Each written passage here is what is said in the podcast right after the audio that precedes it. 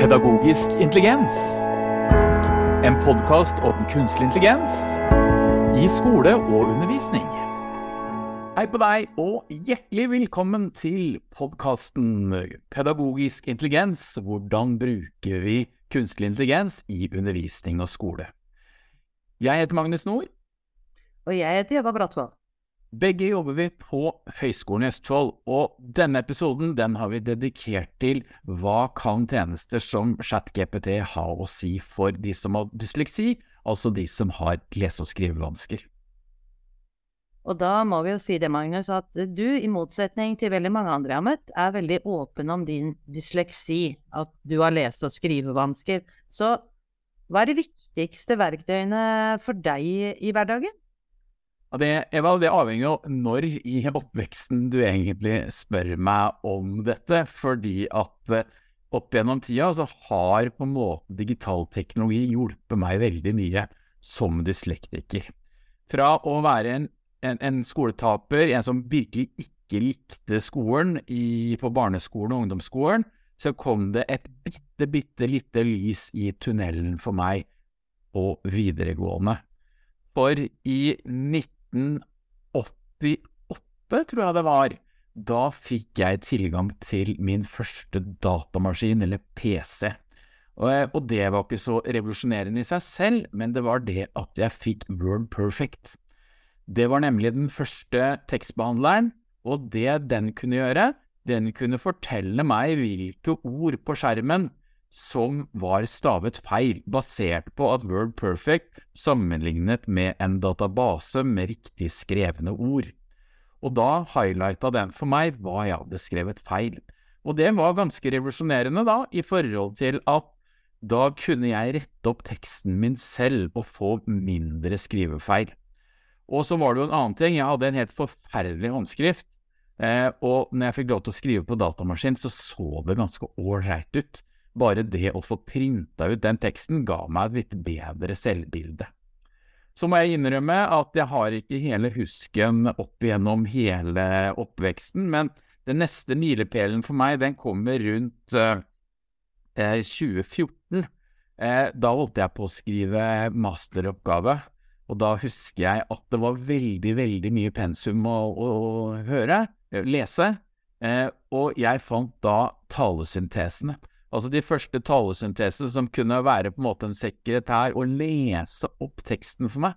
Spesielt husker jeg det godt tilbake til engelsk, og så var det en skikkelig hurradag når vi begynte å få de første talesyntesene som kunne lese opp dette her på, på norsk. Så det var på det tidspunktet det viktigste digitale hjelpemiddelet for meg som dyslektiker. Så er det et nytt merketid, det er rundt 2019. Da får vi de første teknologiene for stemmestyrt skriving.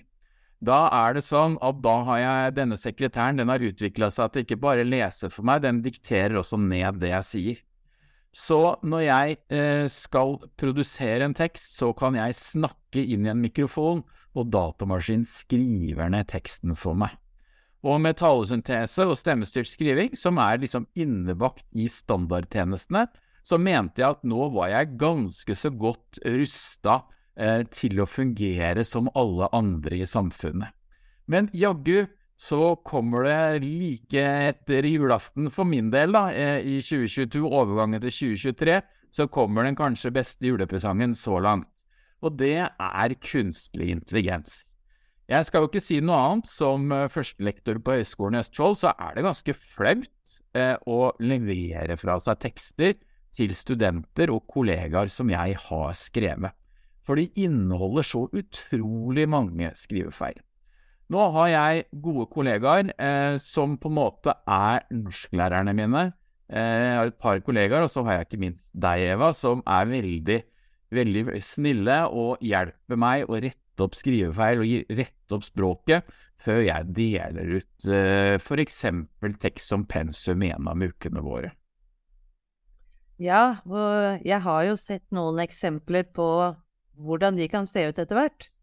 Eh, og eh, noen ganger lurt litt på hva du egentlig har ment.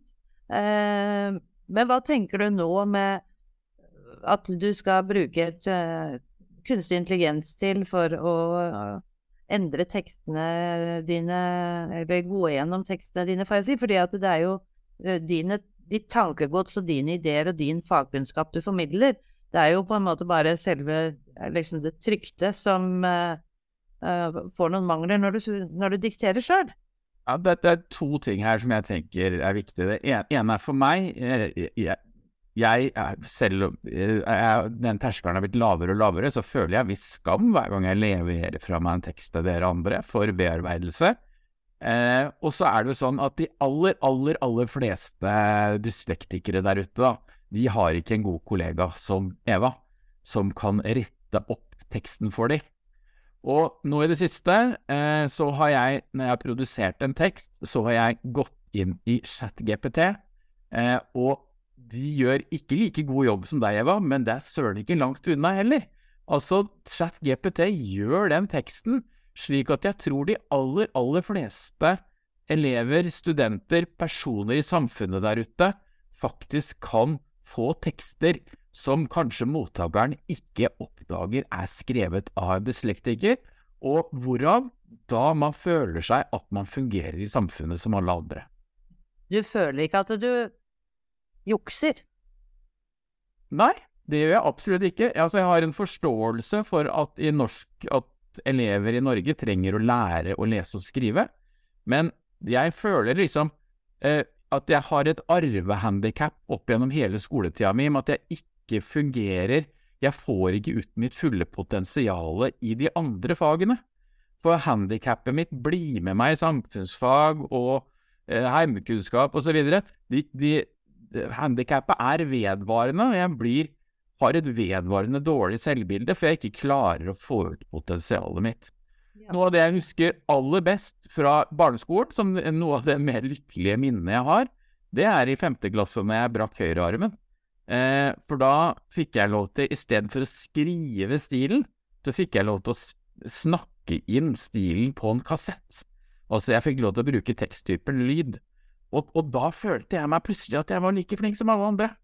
Eh, og jeg føler at denne teknologien, den kan være superviktig for selvbildet til dyslektikeren overfor de de samarbeider med og, og er mennesker i samfunnet sammen med. Ja, og det, og det, tror jeg jo er et viktig poeng, da. At man kan eh, få lov til å vise og demonstrere sin eh, kunnskap og kompetanse eh, og ikke bli bedømt på, eh, som du sier, et handikap man har. Som, som, handler egentlig om noe helt annet enn en, eh, en den fagkompetansen man har. Ja, for jeg føler det sitter ofte den følelsen at jeg har ikke fått uttrykt meg av det jeg ønsket å uttrykke. Jeg har mer kunnskap om disse tinga, men det er enten fordi jeg skriver for sakte. Eh, tidligere har jeg måttet bruke ganske lang tid på å få tekstbehandlere når jeg har fått en time ekstra på eksamen, f.eks., så jeg har brukt nesten all den tiden til å rette opp skrivefeil. Jeg har jo ikke fått noe mer tid til å lage tekst, så for meg så ble det et kjempeløft når jeg kunne begynne å, å produsere tekst med stemmen. Jeg har jo faktisk testa ut dette her og funnet ut at jeg snakker syv ganger raskere enn det jeg skriver. Eh, og da får jeg produsert sju ganger så mye, kanskje. Og i tillegg så har vi jo funnet ut at det er mindre skrivefeil i den teksten jeg snakker inn med stemmestyrt skriving, enn det jeg skriver selv på tastatur. Ja. Det jeg tenkte vi skulle gjøre nå, det er at vi skal titte litt på de prompene, altså de kommandoene jeg gir til ChatGPT for å gjøre teksten bedre. Og for å få en viss kvalitet over dette her, Eva, så har du vært med på og sett hvordan jeg jobber. Fordi at jeg er jo såpass dårlig fungerende at jeg klarer ikke å vurdere om dette er en god eller dårlig tekst. Så det vi har gjort sammen i, forhold til, i forkant av denne podkasten, er at jeg har skrevet en tekst som eh, jeg skriver til daglig. Eh, ikke noe juks på forhånd. Det var en tekst på en seks-syv linjer, og den var det en 17-18-19 eh, skrivefeil i. og vi har mata denne teksten inn sammen i ChatGPT. Og den første prompten jeg har pleid å bruke tidligere, det er kan du rette opp skrivefeil og grammatikk i denne teksten. Og så lima vi inn teksten. Og vi må vel si, du som er sensoren her, Eva, at den rettet opp uh, skrivefeilene? Ja, de aller fleste. Men jeg ser jo også det at det er noen ting bommer litt på. Det kan jo være at den øh, Enten at den ikke kjenner ordet. Eh, nå er jo denne eh, her, her, burde det kanskje vært en sånn dyslektikerordbok eh, i bakkant også. Eh, for, fordi at noen ganger så skriver du jo ord som for så vidt er riktig skrevet, men det er e, et annet ord enn det du egentlig hadde tenkt du skulle bruke. Eh, så, men alt i alt så, så tar den unna en god del av skrive- og grammatikkfeilene. Så eh, en vesentlig forbedring, det må vi si. Så er det den proten jeg er mest glad i å bruke mest nå mere. Og det er rett og slett, jeg skriver 'Kan du gjøre denne teksten bedre?' Og da definerer jeg ikke hva bedre er, men så skriver jeg spørsmålstegn, og så limer jeg inn teksten jeg akkurat har produsert tekstlig i, en, i Word eller hva som helst. Og hva ble det da, du som er sensor? Jo, da, da var den eh, for så vidt eh, nokså grei. Eh, det som skjedde når, vi, når, du ga den kommandoen, det var det at den byttet ut noen av de ordene du hadde skrevet med noen synonymer. Eh, kanskje han ble bitte lite grann eh, vanskeligere, egentlig, enn, eh, selv om den ble bedre. Altså at jeg tror at den ble litt mer akademisk, faktisk. Men ikke så akademisk som når du brukte 'lag denne teksten mer akademisk'. Ja, det skrev vi også inn som en uh, prompt her. Så jeg skriver inn 'skriv teksten mer akademisk'. Eh, og så syns vi vel begge to at uh, det ble en mer formell tekst som var mer å stole på? Ja, den, den er jo en veldig sånn typisk sånn fagtekst mer. Eh, og det har jo noe med formen å gjøre og sånn. Eh, men det som jeg syns var interessant, det var jo kanskje når eh, du skulle forenkle teksten. Ja, for vi skrev også inn forenkle tekst, og der hadde vi en hypotese på forhånd på at den kanskje ble altfor enkel. Eh, ja. Det ble den vel ikke. Den ble mer med klarspråk, ble den ikke det? Ja, jeg syns at eh, det førte til at teksten ble litt mer aktiv i formen. Eh, det blir eh, litt kortere setninger ofte. Den bruker ikke så mye fremmedord.